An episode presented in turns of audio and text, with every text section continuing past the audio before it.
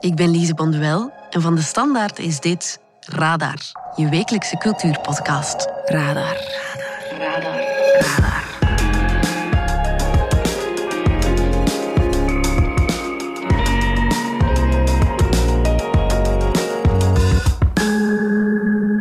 Eindelijk kunnen we er naar gaan kijken in de bioscoop. L'Evenement, het abortusdrama van de Franse regisseuse Audrey Diwan. I did this movie with anger. I did it with my belly, my guts, my heart and my head. Over een abortus in de jaren 60.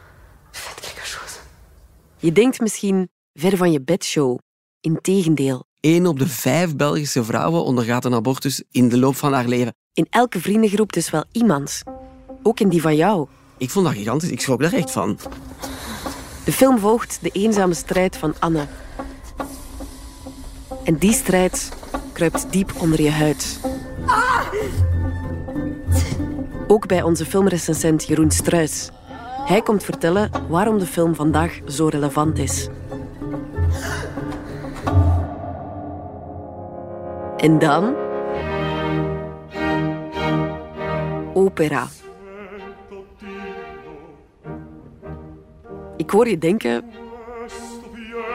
Opera? Ja, niet de zware operakost die je misschien in gedachten hebt. Anna-Theresa de Keersmaker vermengde opera met dans in Cosi fan tutte. Van de drie Da Ponte-opera's vind ik Cosi fan tutte de mooiste. Een Mozart-opera die ze maakte begin 2017 in Parijs. Het is een uitnodiging om te dansen. Ze noemt het zelf Temptation Island avant la lettre. Dat zijn galopperende paarden, dat zijn uh, late avonden in cafés. Een vooruitstrevend verhaal over vrouwen die hun seksuele vrijheid opeisen. Opera die gaat over het zo mooie maar onmogelijke verlangen om u in een andere persoon te verliezen. Ja, dat had hij niet verwacht hè, van Mozart. Het swingt de pan uit. Onze danserrecensente Charlotte de Somville komt vertellen waarom het stuk zo indrukwekkend is. Absoluut. Ik ben eigenlijk nu ben naar de première dinsdag geweest en ben nog altijd aan het nagenieten, zeg maar. We spraken ook met de danseressen die bijna dachten dat ze het stuk door corona nooit in België zouden kunnen spelen. Ik geloof het ook pas als we echt op scène staan. Ik hou mijn hart vast nog, maar ik hoop dat het doorgaat. Maar kijk, het is er toch. En het is de moeite. Welkom bij Radar. Radar.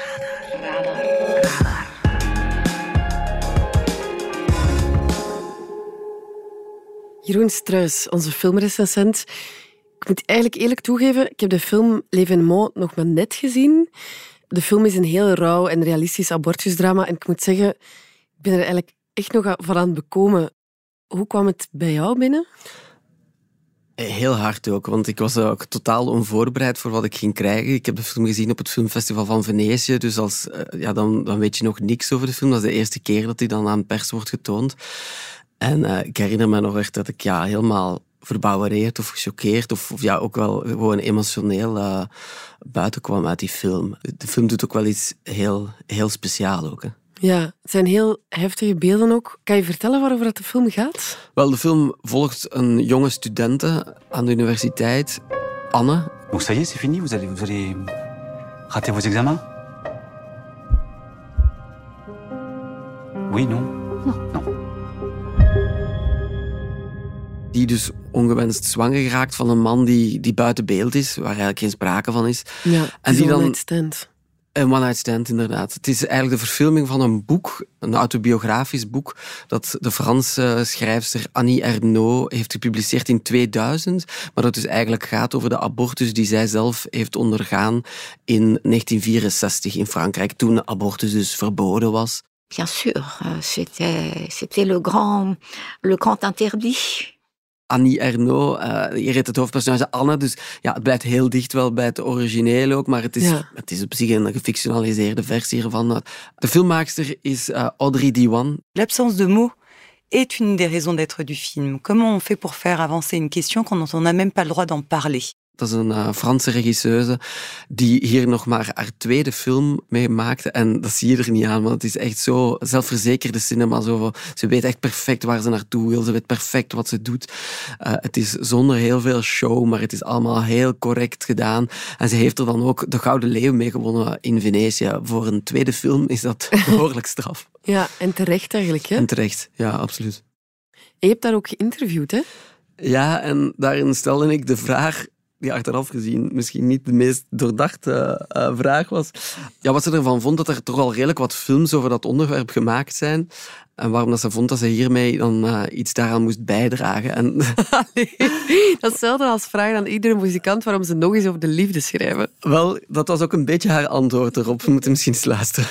Pourquoi, quand il s'agit des sujets féminins euh, qui touchent la condition de la femme, qui ont, passé, qui ont été passés sous silence pendant des siècles, on estime que quand on a parlé une fois d'avortement clandestin, on a traité le sujet.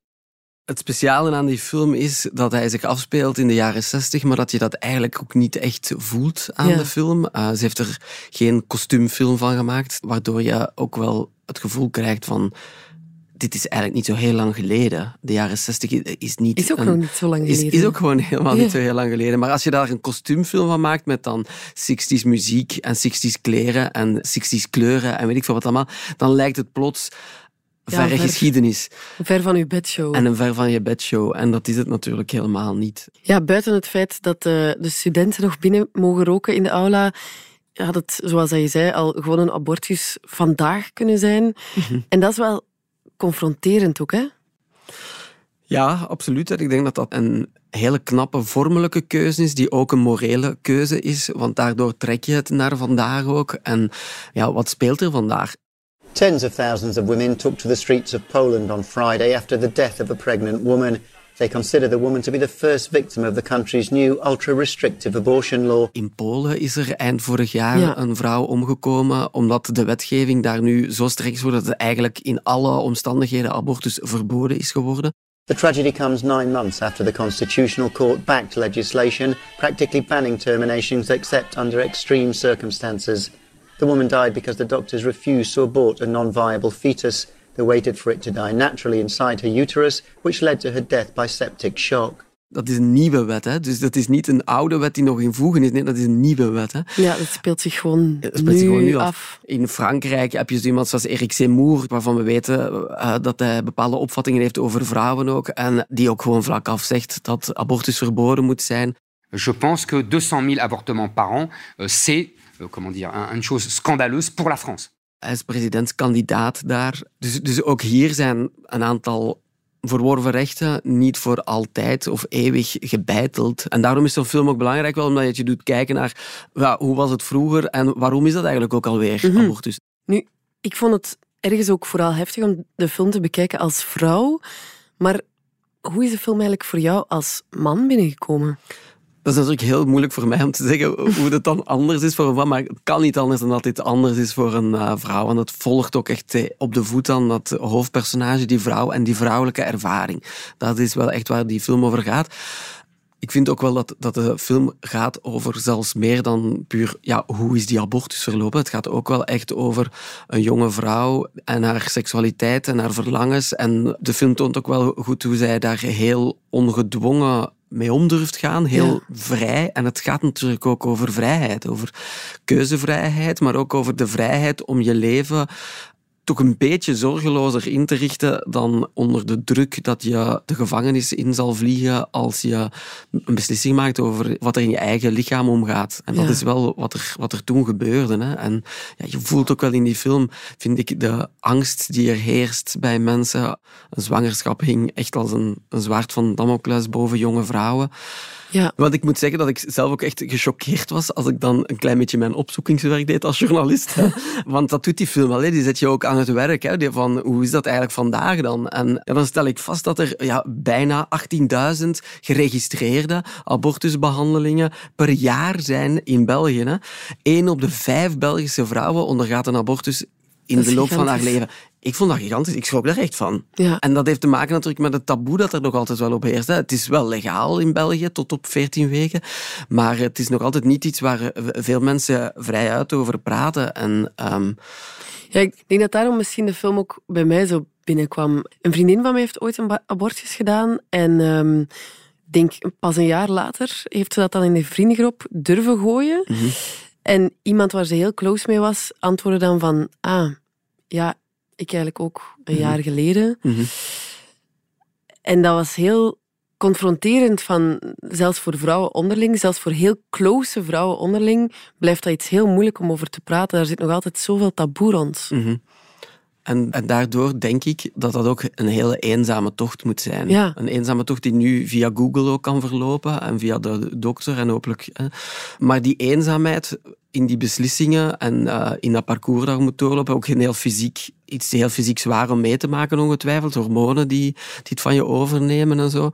Die eenzaamheid daarin, die voel je ook heel hard in die film, vind ik. Ja. Ja. Omdat die zo heel nauw dat ene meisje, die ene jonge vrouw volgt, echt op de huid zit. Ja, Eh, je zit echt mee in haar hoofd. je zit mee naar hoofd en je voelt echt die eenzaamheid van...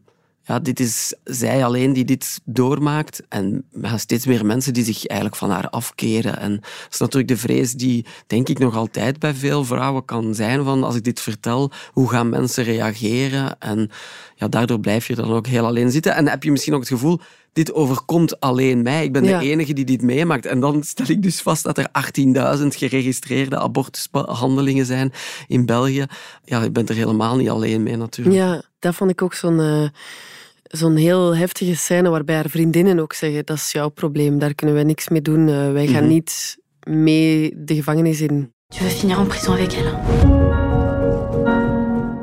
Punt, ja, je ziet inderdaad dat die, dat die vriendengroep dan eh, zich ook van haar afkeert. Eigenlijk is die keuze vrij snel duidelijk voor haar. Ik wil dit kind niet houden, want ik, ik gooi dan mijn hele toekomst weg. De- Dat is een leven waar ik niet voor getekend heb. Mhm. Want dat is echt de reden waarom ze echt een abortus wil doen. Hè. Ze wil verder ook met haar leven. Ja, klopt. Ze is een student, eh, ze is zo'n 22 jaar. Ze doet het goed aan de universiteit en eigenlijk heel die universiteit of academische droom of het idee om schrijver te worden of zo, dat gaat allemaal aan diggelen. Zij is ook wel echt vrij zeker, of zij is echt zeker van haar beslissing ook. Hè. Daar is Ja. eigenlijk weinig twijfel over in de film. Hè. Ja. Ehm, Ja, en wat een fenomenale vertolking ook van de actrice, hè? Anna Maria Bartolomei. Ja. Zeg je dat juist? Ja, een Frans-Roemeense actrice die voor mij ook totaal out of the blue kwam. Ja, Ik had haar nog niet eerder in films gezien en dit is ook wel echt haar eerste grote rol. Ze had ooit als eh, kind, tienjarige, had ze ooit, werd ze ooit opgepikt in een film. Maar dit is wel echt haar eerste grote rol. En ja, je ziet wel aan alles, dit is iemand die we de komende jaren Ja. in heel veel films gaan zien, want eh, die wil je in je film gewoon. Eh, Ja. Zij is ook de film. Puis j'avais besoin de quelqu'un qui comprenne le texte parce qu'elle joue Annie Arnaud jeune, elle joue cette étudiante en lettres. Et donc dans, dans ma tête, dans mon, dans mon, dans mon fantasme de film, j'avais imaginé quelqu'un euh, chez qui les mots résonnent. Anna Maria, elle avait tout ça. Zij speelt het eigenlijk ook heel ingehouden. Wat Mhm. ook moet, omdat die camera net zo kort op haar staat, hè, dan moet je niet met al te grote gebaren gaan zitten acteren. J'avais besoin que quel- de quelqu'un qui a un jeu très subtil, parce qu'on est si proche de son visage. Maar je, je voelt zoveel emoties achter haar spel en die kun je dan ook zelf invullen als kijker. En dat Ja. maakt het, denk ik, volgens mij tot zo'n rijke ervaring, deze film. Ja. De film deed mij zelfs een beetje denken aan eh, Rosetta van de Broers Dardenne. Ja. Doordat de camera ook op haar heel kort bij blijft, dat zit ook wel in de structuur van de film, dat zij eh, zo aan elk loket moet gaan aankloppen en, en een tocht aflegt. Mhm. met verschillende mensen waarbij ze hulp zoekt. En dat is eigenlijk een fundamentele lijn in de films van de broers Dardenne. Dat is dat morele appel waar eigenlijk de broers Dardenne hun eh, cinema hebben rondgebouwd. Ja. En waarom die ook zo straf binnenkomen. En dat zit ook in, eh, in deze film. Het is wel minder experimenteel of zo. Het is niet die bewogen camera die we bij de broers Dardenne zijn gaan linken. Het is ehm, eigenlijk al wel vrij subtiel gedaan, vind ik. Ja. Maar het zijn heel doordachte keuzes wel die dit maken tot een, eh, een heel bijzondere film. Ja, en er zijn nog wel filmmakers die de abortuservaring als vrouw proberen te vatten. Hè? Ja, wel. En wat je nu recent ziet, is dat het vrouwelijke filmmakers zijn ook die eh, deze onderwerpen beginnen aan te vatten. Een van de beroemde films over een abortus was eh, Vier maanden, drie weken en twee dagen van de Roemeense regisseur Cristian Mungiu. mai vorbim niciodată despre asta. Ja, dat was een, een, mannelijke regisseur dan. Nu, vorig jaar had je een Amerikaanse film, Never Rarely, Sometimes Always, van Eliza Hitman. Dat was een film over een abortus in Amerika. I didn't see you at school today. I went to the doctor. What's wrong? Girl problems? In de, de staat Pennsylvania is abortus ook zo goed als verboden. Where else could you go? Nowhere in Pennsylvania. Dus daar moest dat meisje dan verhuis, uh, een reis afleggen naar New York in de hoop daar dan een abortus te kunnen ondergaan. Daar zit je in de ja, geschifte constructie van de medische wereld in Amerika, hè, die niet al te laagdrempelig is. En, en, daar had je ook wel heel hard die vrouwelijke blik en uh, een resolute keuze om alleen die camera op dat meisje te volgen. En dat zit ook hier. En een gevolg daarvan is volgens mij ook wel dat de regisseur niet per se het heeft over die morele keuze tussen moet ik wel een abortus doen ja. of mag ik geen abortus doen en wat zijn daar de morele consequenties van. Dat is eigenlijk niet echt het onderwerp van deze films. In beide gevallen zijn die meisjes vrij overtuigd van wat zij willen. Het gaat er veel eer over wat betekent dit eigenlijk om dat door te ja. maken en hoe maakt de context, de sociale context, dat eigenlijk zo goed als onmogelijk en hoe, hoe, hoe kan dat beter? En daarover gaan volgens mij die films. Ja. Cinema die binnenkomt en die je wel even aan het denken zet. Rarely, Sometimes, Always van Eliza Hitman is te bekijken via Proximus Pix, Telenet, YouTube, Google Play en iTunes. L'Evenement van Audrey Diwan is nu uit in de bioscoop. Zeker gaan kijken. Jeroen, bedankt. Dag. Radar. Radar.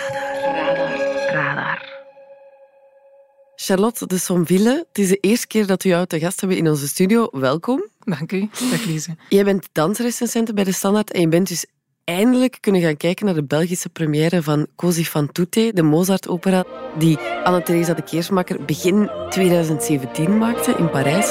Van de drie Da Ponte-opera's vind ik Così fan tutte de mooiste. Charlotte, was het het wachten waard? Ja, absoluut. Ik ben eigenlijk nu ben naar de première dinsdag geweest en ben nog altijd aan het nagenieten, zeg maar. Het was een heel bijzondere esthetische ervaring en dat is nogthans ja, vreemd voor mij, want ik ben absoluut geen opera-liefhebber. Ik vind dat met al zijn pracht en praal en zijn statische acteren, ik vind dat een heel artificieel medium soms, een beetje high class ook. Ik kan ook nooit het verhaal volgen. Op een of andere manier raad ik altijd in de war met alle personages. Maar... Ik heb exact hetzelfde. Blij dat ik niet alleen ben. Maar bij deze Così, het was echt iets anders. Het is de eerste opera die ik zonder moeite heb uitgekeken en vooral met heel veel plezier die drie uur, twintig minuten uh, heb doorgebracht. En dat komt natuurlijk... Allez, ik ben dansrecensent, omdat er in die voorstelling evenveel gedanst als gezongen wordt. Mm -hmm. En die dans maakt dat, dat die muziek van Mozart... Die, ja, die, die muziek is al fantastisch op zich, maar dat is niet, niet zo makkelijk als je niet thuis zit in klassieke muziek om dat te volgen. Maar door die dans wordt die muziek heel erg concreet en krijg je echt een houvast om daarnaar te luisteren. En dat zorgt voor zo'n diepe, ja, esthetische belevenis die uh, ja, nog blijft plakken bij mij. Ja, je bent ook echt helemaal aan het ja, glunderen. Ja, ja.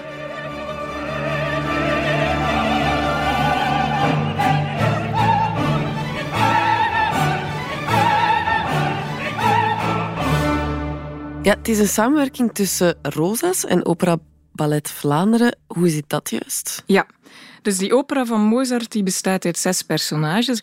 Dus er zijn zes zangers en die worden allemaal gekoppeld door... Allez, omdubbeld in zes dansers. Dus elke zanger krijgt eigenlijk een danser als spiegelbeeld of als dubbelganger, zeg maar. En via bepaalde motieven en kleuren in de kostuums kan je heel makkelijk zien wie dat met wie matcht. Dus zo staan er eigenlijk twaalf mensen... Um, op scène. En mensen die al vaker naar een voorstelling van de Keersmaker zijn geweest, die gaan alle dansers ook herkennen, want het zijn eigenlijk de iconische Rosas-muzen die op scène staan. Michael Pomerot, Marie Godot, uh, Cynthia Loumey, Samantha van Wissen. Ik ben Cynthia Loumey. Ik dans de rol van Fiordiligi in de voorstelling van Così fan tutte. En mijn naam is uh, Samantha van Wissen en ik dans de rol van Dora Bella. We zijn als danser gekoppeld aan onze zanger. En uh, de bedoeling is dat we alle tekst uit ons hoofd kennen ook. En dus wij volgen wanneer zij spreken, um, bewegen wij. Zo zit het simpel in elkaar.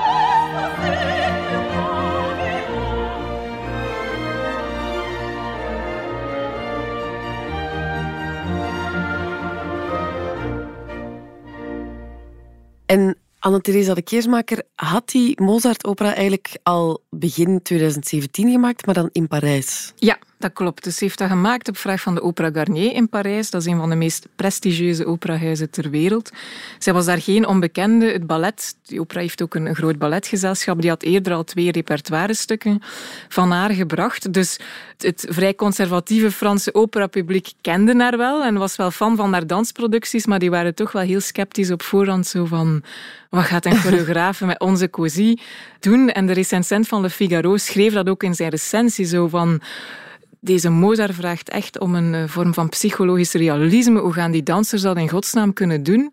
Maar hij moest ook terugkomen op zijn eigen vooroordeel, want hij was ongelooflijk lovend en eigenlijk de hele Franse pers vond het een mijlpaal, een historische opvoering, net omdat, omdat de keersmaker die ziel van Mozart zo mooi naar voren haalt. Wat ik speciaal vind aan uh, deze regie zeg maar, van Così fan tutte is ook hoe dat ze eigenlijk gevraagd heeft aan, aan iedereen, maar vooral ook denk aan de, aan de zangers, om dicht bij henzelf te blijven en de woorden eigenlijk hun werk laten doen.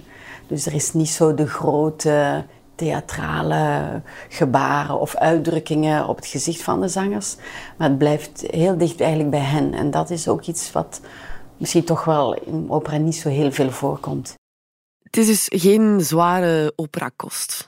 Nee, nee, en dat is zeker ook de grote kracht, denk ik, van de interpretatie van Anteresa de Keersmaker, die de regie voor haar rekening heeft genomen en ook de choreografie. Dus het is wel een komische opera uh, die Mozart heeft gemaakt en zij heeft er een zeer humoristische en lichtvoetige en ook echt sensuele voorstelling van gemaakt ja, ook eigen aan, aan die interpretatie van de keersmaker is dat ze een aantal heel kwetsbare, heel ontroerende, ook melancholische momenten naar voren heeft gehaald. En het is die balans tussen ja, lichtheid en duisternis die het zo'n mooie ervaring maakte. En de keersmaker zelf noemde het Temptation Island avant la lettre. Ja, inderdaad. Ja, dat klopt. Het is geen extreem complex verhaal, in tegendeel, maar het gaat dus wel over een soort van relatietest. Dus er zijn uh, twee koppels die op scène staan. Samantha is Dorabella, mijn zus. Ik ben Fiordiligi twee zussen en die zijn samen met twee mannen. En Don Alfonso, dat is een verlichtingsfilosoof, die komt op de proppen met een soort van relatietest waarbij dat die mannen eigenlijk de ontrouw van een, of de trouw van een vrouw op de proef willen stellen. En ze bedenken daarvoor een soort van ja, stom trucje. Die mannen doen alsof dat ze naar het front trekken, dat ze naar de oorlog moeten gaan. En zij komen eigenlijk terug vermomd als Albanezen. Samantha gaat iets sneller in op de avances van de mannen die eh, een andere man spelen en in één dag ons verleiden tot ontrouw. We worden daar wel een beetje in meegesleurd door uh, de Spinetta. onze, dat is een soort dienster, een, een, meid, en die, die zegt van, allee, kom aan, uh, er is nog wat meer te beleven in het leven dan enkel trouw te zijn. Hè. En ik ga er wel wat rapper in mee. Of Dorabella gaat er wat rapper in mee. Ja. En zo verleiden ze eigenlijk hun vrouwen. Maar dat loopt een beetje mis, want eigenlijk de vrouwen worden verliefd op elkaars partner? Uiteindelijk gaan ze allebei hetzelfde pad. En, en kiezen voor een divertier en vallen dan in de, in de val van Don Alfonso en de Spina. Dus het idee dat de keersmaker eigenlijk gebruikt is even eenvoudig als geniaal. Dus het hele libretto wordt eigenlijk parallel gedanst. Je moet je dat niet voorstellen als een soort van slecht mimetheater of, of Pictionary of zo. Het is niet zo dat die dansers alles uitbeelden wat die zangers zeggen. Want de keersmaker werkt altijd heel minimalistisch en heel abstract. En dat is ook hier zo. Soms zijn het gewoon heel eenvoudige kleine bewegingen, kleine stapjes die ze zetten. Op ieder woord neem ik een stap, bijvoorbeeld. Uh, dat is een ritmische vertaling van, van de tekst die Dorabella zou zingen op dat moment. En zeker zoals Samantha zegt, één stap, één noot. Als zij haha doet en ik doe twee stappen, je ziet onmiddellijk, je ziet de muziek in de beweging. Het is heel interessant hoe dat die dans eigenlijk interageert met, met de zang en met de muziek en, en met de tekst. Want soms volgt de dans eigenlijk gewoon de tekst en vallen de danser en het personage eigenlijk samen. Ik denk dat je door een danser te koppelen aan de zanger duidelijkheid schept in het beeld. Je hebt een soort guardian angel erachter. En qua kostuum is ook heel duidelijk aan wie je gelinkt bent. En het is ik denk een choreografisch, niet een truc, maar het is een, een dramatisch iets om duidelijkheid te scheppen in het verhaal, denk ik. Maar dan evengoed soms toont de dans dat, dat we de, de zang eigenlijk ironisch moeten interpreteren. Soms geeft die dans echt ook commentaar op wat er gezongen wordt. En voor mij komt er dan gaandeweg nog een andere laag bij, waarin ik als danser, zonder daar grote gestes aan te verbinden, maar heel miniem probeer uitbeelding te geven aan haar emotie of aan wat dat ze denkt. En soms nog ja, legt die dans echt een heel mooie verborgen gevoelswereld bloot, onder het libretto. Dus eigenlijk door de dans leer je tussen de tekst en tussen de noten lezen. En dat is heel erg bijzonder. Iets anders dat die choreografie ook doet, is eigenlijk zo de spanning tussen het libretto en de muziek opdrijven. Want Mozart vertelt niet altijd wat de librettist Da Ponte vertelt. En daar zit wel een interessante paradox in soms. Dus er is een scène in de eerste acte, denk ik, waarin een van de zussen vertelt met heel veel pathetiek. Allee, zingt zij van dat ze echt gaat doodgaan van verdriet omdat haar man naar het front is getrokken en, en zij gaat dat niet aankunnen alleen. En de danseres Samantha van Wiesen, die bij haar hoort, staat op dat moment eigenlijk al zo heel sensueel en heupwiegend te dansen. Heel sexy op haar naaldhakjes. Dus je ziet eigenlijk, zij is al helemaal klaar om veroverd te worden door een andere man. Zo voor haar hoeft het niet te lang meer duren. Via dans probeer ik in de eerste acte eigenlijk al een, een beetje een, een glimp te geven van wat dat er met Dorabella gaat gebeuren, met haar emotie in de tweede acte. En dat is heel subtiel, misschien zullen mensen dat nog niet op dat moment zo ervaren, maar gaan ze het daarna wel uh, denken van, ah, het was daar misschien al wat begonnen. Dus in mijn dans is er al zoiets wat dat ze aan het spelen is met... Misschien moet ik niet per se trouw blijven, kan ik die uitdaging toch wat aangaan. En dat, dat zou je kunnen lezen in de beweging al die daar al een beetje op inspeelt. Terwijl het voor haar op dat moment in tekst nog niet aan de orde is. Ja, het is eigenlijk een grote uitdaging voor de dansers, hè? maar de zangers die zijn dan al helemaal uit hun comfortzone gehaald, want zij moesten ook nog eens dansen.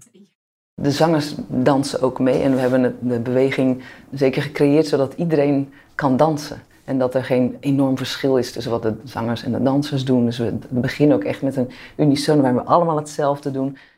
Het is ook niet toevallig dat de repetities in Parijs meer dan een jaar hebben geduurd, wat heel uitzonderlijk in opera, want time is money, zeker in die wereld. En dat is voor hen een enorme uitdaging natuurlijk, want ze moeten en zingen en de dirigent in de gaten houden en de, de passen en de tellen van de passen. En ja, dat is voor hen heel complex. Voor coördinatie lijkt mij dat echt wel uh, geen evidente. Ja, ik denk dat dat zelfs een understatement ja. is. En um, kan je eens een beeld geven van hoe de decors en zo eruit zien? Ja, er zijn geen decors. Oké. Nee, dat is best eigenlijk een, een statement, ook wel typisch voor de keersmaker. Die werkt graag heel minimaal. Dus de hele opera speelt zich af in een kale ruimte. Er is alleen er staat een tafeltje met wat flessen sterke drank. En wat heel bijzonder is, op vraag van scenograaf Jan Verswijfeld, mm is dus de hele opera, het hele podium, de hele vloer alle muren wit geschilderd. En dat geeft een fantastisch beeld. Dat, dat toont echt de, de grootte van dat podium. En de keersmaker en Verswijfeld spelen ook heel mooi met licht. Dus er zijn soms radicale lichtwissels waarbij dat de scène plots eenmaal geel wordt of roze of goud. Dus dat is esthetisch gewoon uh, heel erg mooi. En vooral ook die lege ruimte, die, die staat eigenlijk toe om het hele verhaal tussen die personages te vertellen via een spel tussen nabijheid en afstand eigenlijk. En dat is natuurlijk ook mooi in een verhaal dat gaat over aantrekken en afstoten. De keersmaker speelt dat spel van de verleiding heel erg mooi. Er is een scène bijvoorbeeld in het begin waarin dat de koppels afscheid nemen van elkaar en de vrouwen staan aan één kant van het podium, de mannen aan de andere. En ze laat die eigenlijk rond elkaar cirkelen, maar op zo'n manier dat, ja, dat je eigenlijk niet meer weet wie dat bij wie hoort. En er wordt een heel subtiel erotisch blikkenspel gespeeld. En zo anticiperen ze eigenlijk al op het bedrog dat gaat komen in de tweede acte. Dus dat is, dat is heel... Het is bij momenten echt een erotische voorstelling om, om naar te kijken, zou ik zeggen. Ja, ja, als dat geen ultieme overtuigingsargument is. En waarom wilde de keersmaker eigenlijk graag deze Mozart-opera? Wat heeft ze precies met Mozart? Ja, eigenlijk heeft ze nog maar twee keer in haar carrière met Mozart gewerkt. Dus in de Così fan tutte en in de uh, Mozart concertaria's. Dat is een voorstelling uit 1992 die ze met Rosas heeft gemaakt. Eigenlijk heeft ze veel meer met Bach, zou je kunnen zeggen, want daar heeft ze al vaker voorstellingen ah, op ja. gemaakt. Ja. Maar naar eigen zeggen vindt de keersmaker de Così een van de beste werken van Mozart en eigenlijk ook een van de beste werken uit de operageschiedenis Toekoer, dat heeft veel met de muziek te maken. Je zult dat wel horen. En zelfs als ben je niet thuis in opera, die eerste act zit vol klassieke 18e-eeuwse hits, zou je kunnen zeggen. Het is ook muziek die, uh, en dat merkte ik heel hard toen ik in de zaal zat, die heel dansant is. Het is een uitnodiging om te dansen. Het is de beweging van de ziel, van het lichaam. Dus ik kon niet stil blijven zitten in mijn stoel. Het is echt een, een muziek die heel veel cadans en schwung in zich heeft bij momenten. En ik denk ook voor de keersmaker, het is een diep menselijk verhaal dat echt gaat over de complexiteit van de liefde. Ja, dat is ook natuurlijk een opera die gaat over het zo mooie maar onmogelijke verlangen om u in een andere persoon te verliezen. Wat een onmogelijke definitie van liefde of verliefd zijn is. En het onuitblusbare verlangen om dat, dat telkens opnieuw te beleven. En hoe uitzonderlijk is deze Cosi fan tutti naar operanormen? Ja, het is toch wel een historische opvoering. Allee, ik ben niet de grootste opera-specialist, maar ik heb ook eens mijn oor te luisteren gelegd bij veel operakenners die dat allemaal bevestigen. Het is een heel eigentijdse, enorm frisse ansenering die de Keersmaker heeft gemaakt. Dat wil natuurlijk niet zeggen dat zij niet trouw is gebleven aan het origineel van Mozart en da Ponte. Zij gaat die opera ook niet dwangmatig actualiseren of naar de 21ste eeuw brengen, maar zij kiest voluit voor abstractie. De Così is eigenlijk een opera buffa, dus dat is een, een komische opera, die traditioneel wordt opgevoerd als een heel smeuige komedie, veel intriges, veel verkleedpartijen, veel plat op de buik gedrag, zeg maar. Maar zij kiest voor een veel existentiëlere interpretatie eigenlijk, want de Così is geschreven in 1790, dus een jaar na de Franse Revolutie. Ja, een jaar ook voor Mozart zijn dood. Ja. Je voelt dat echt in dat stuk. Daar zit een soort van sfeer van verlies en afscheid.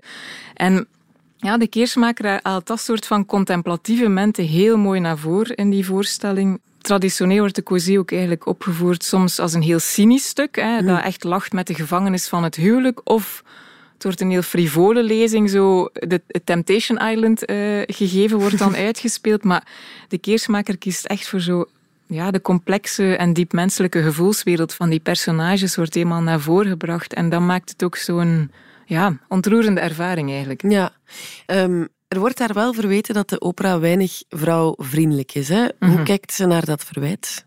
Ja, ik denk dat ze dat zelf een heel oppervlakkige lezing vindt. Uh, natuurlijk is het wel waar dat de Così lange tijd is weggezet als een seksistisch stuk. De titel, vrij vertaald, betekent dat ook van zo zijn alle vrouwen. En met zo bedoelen ze dan ontrouw, onnozel en makkelijk te bedriegen. Maar ik vind, ja, als je de voorstelling ziet, dat is eigenlijk dat is helemaal niet wat er gebeurt op scène. De vrouwen dragen echt de hoofdrollen. Muzikaal zijn hun scènes ook de hoogtepunten van de opera. En vooral, ja, het viel mij op, de mannen zijn eigenlijk een soort van een beetje domme alfamannetjes. Zij spelen heel die opera lang komedie, want zij proberen dus eigenlijk via allemaal stomme foefjes en trucjes proberen zij een vrouw eigenlijk tot bedrog te leiden. En vaak gaan ze heel plat op de buik daarvoor, maar die vrouwen aan de andere hand, die vertellen over wezenlijke dingen, die zingen over hun diepste zielenroerselen, over hun gewetensconflicten, over hun diepe verlangens ook. Dus dat is eigenlijk een heel ja, dat is echt een groot verschil of zo, tussen de mannen en de vrouwen daarin. En ik vind ook inhoudelijk is die opera op een bepaalde manier wel best vooruitstrevend. Want het gaat echt over vrouwen die eigenlijk een seksuele vrijheid opeisen. Die niet willen vasthangen aan de ketens van één man of zo. Ik vond dat best emanciperend eigenlijk.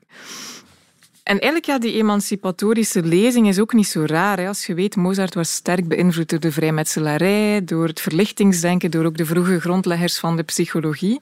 En in zijn opera ja, stelt eigenlijk vragen bij die dubbele standaarden die voor mannen en vrouwen gelden. Mannen mogen overspel spelen als ze niet thuis zijn, maar de vrouwen moeten vooral heel hoofds wachten op, uh, op hun verloofde. Ja. En hij stelt eigenlijk ook vragen bij zo de heel naïeve en onrealistische opvatting over liefde die die koppels in het begin hebben. In het begin zijn ze echt de hele tijd bezig met, ja, ze idealiseren de trouw en elkaar. En, maar eigenlijk wat je ziet in die opera is dat Mozart ook gewoon zegt van, ja, nee, de eeuwige liefde bestaat niet. En zo de ultieme ander waarmee dat je versmelt bestaat ook niet. En ja, je kunt verliefd worden op meerdere mensen tegelijk. En dat is prima. het is natuurlijk ook, het blijft een burgerlijke 18e-eeuwse opera en op het einde komen die koppels wel terug samen. Maar je ziet dat er zoiets veranderd is. Zeker bij de vrouwen die hebben de diepte van zo een hart en verlangens leren kennen. Dus er komt ruimte voor een meer complexe, meer matuur opvatting van, van de liefde. Zo. Het is geen theoretisch plaatje meer. Ja. Dus dat vond ik toch ook eigenlijk vrij hedendaags. Ja, dat is een heel vooruitstrevend idee voor die tijd. Ja, absoluut. Ja. Ehm, en wanneer kunnen we Cozy van Toetje nog gaan bekijken? Ja, de voorstelling speelt nu nog tot en met 13 februari in de Vlaamse Opera in Antwerpen en dan vanaf 23 februari tot 6 maart in Gent, maar er zijn niet veel kaartjes meer. Oké, want zeker na je enthousiaste betoog ga je nog extra veel volk lokken, denk ik. Ja, waarschijnlijk. Dus je gaat u moeten haasten. Ik moet eerlijkheidshalve wel zeggen, het zijn geen goedkope kaartjes. Het blijft opera, maar het is heel erg de moeite. Je moet naar de voorstelling komen kijken omdat ik hoop je met een, een glimlach eh, de avond doorkomt dat het ook een hele grappige voorstelling is en heel overdreven. En tegelijkertijd eh, okay, esthetisch heel mooi en de muziek is geweldig. Heel tegengesteld aan, het, aan het de comedie eigenlijk. Er zitten fantastisch mooie aria's in en muziek waar je veel troost uit kan krijgen. Rap u naar de website. Ja. Charlotte, merci voor dit gesprek. Met veel plezier. Radar. En afsluiten doen we elke week met een suggestie van de chef cultuur van de Standaard. Deze week krijg je hem van Lieve van de Velde. Ik ben vorige week naar een film geweest waar ik eigenlijk heel blij terug buiten kwam. Ook al scheen er geen zon in de film, was het eh, leven grauw en uh, was er overal sneeuw te zien. Maar dat was de film Compartment 6, dat is de Engelse titel. De Finse, daar ga ik mij niet aan wagen, want het is een Finse titel. En de regisseur heb ik proberen op te zoeken hoe je zijn naam uitspreekt. En dat is Juho Kuosmenen. Juho Kuosmenen dus. En Jeroen Struis, onze filmrecensent, haalde daar al meteen de quote uit uit de film die eigenlijk heel de toon zet en heel de filosofie van de film samenvat. En dat is een quote van Marilyn Monroe. Slechts delen van ons zullen ooit delen van anderen raken. En dat is zo een beetje het idee van de film. Het idee dat je in het leven langs mensen scheert, andere mensenlevens kruist en daarbij soms zo een zweem van connectie voelt. Uh, die kan even duren, die kan langer duren, die kan een heel leven duren, maar die kan ook gewoon een passant zijn en daarna gaat er weer allebei je eigen leven verder. Dat is wat eigenlijk in deze film ook gebeurt. Uh, het speelt zich af op een trein, een nachttrein, een slaaptrein eigenlijk, want het is meer dan één nacht. Zo'n trein is eh, per definitie al een kruispunt van heel veel levens.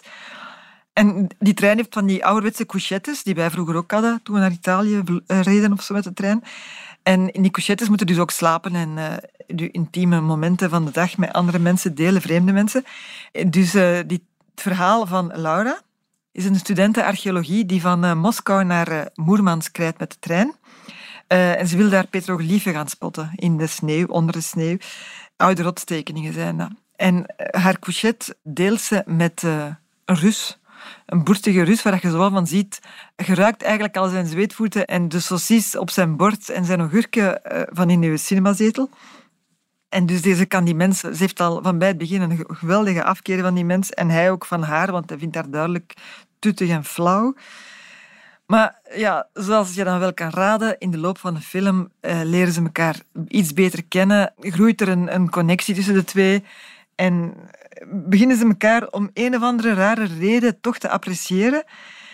In die mate zelfs dat zij eh, echt wel aan hem gehecht geraakt en hij ook aan haar. En dat is eigenlijk het mooie van de film, zo, over dat uh, een, een, eerste indruk compleet bedrieglijk kan zijn, dat je er allerlei andere dingen bij voorstelt, bij zo iemand die je gewoon ziet zitten of ruikt, en uh, hoe dat dan compleet anders kan uitdraaien. Voor mij persoonlijk was dat een, een tamelijk herkenbare film, maar die ik ook wel graag alleen op reis ging of ga. En dat je altijd wel mensen tegenkomt waar je achteraf van denkt van mm, die heeft toch een stempel op mijn leven gedrukt. Radar. Radar. Radar.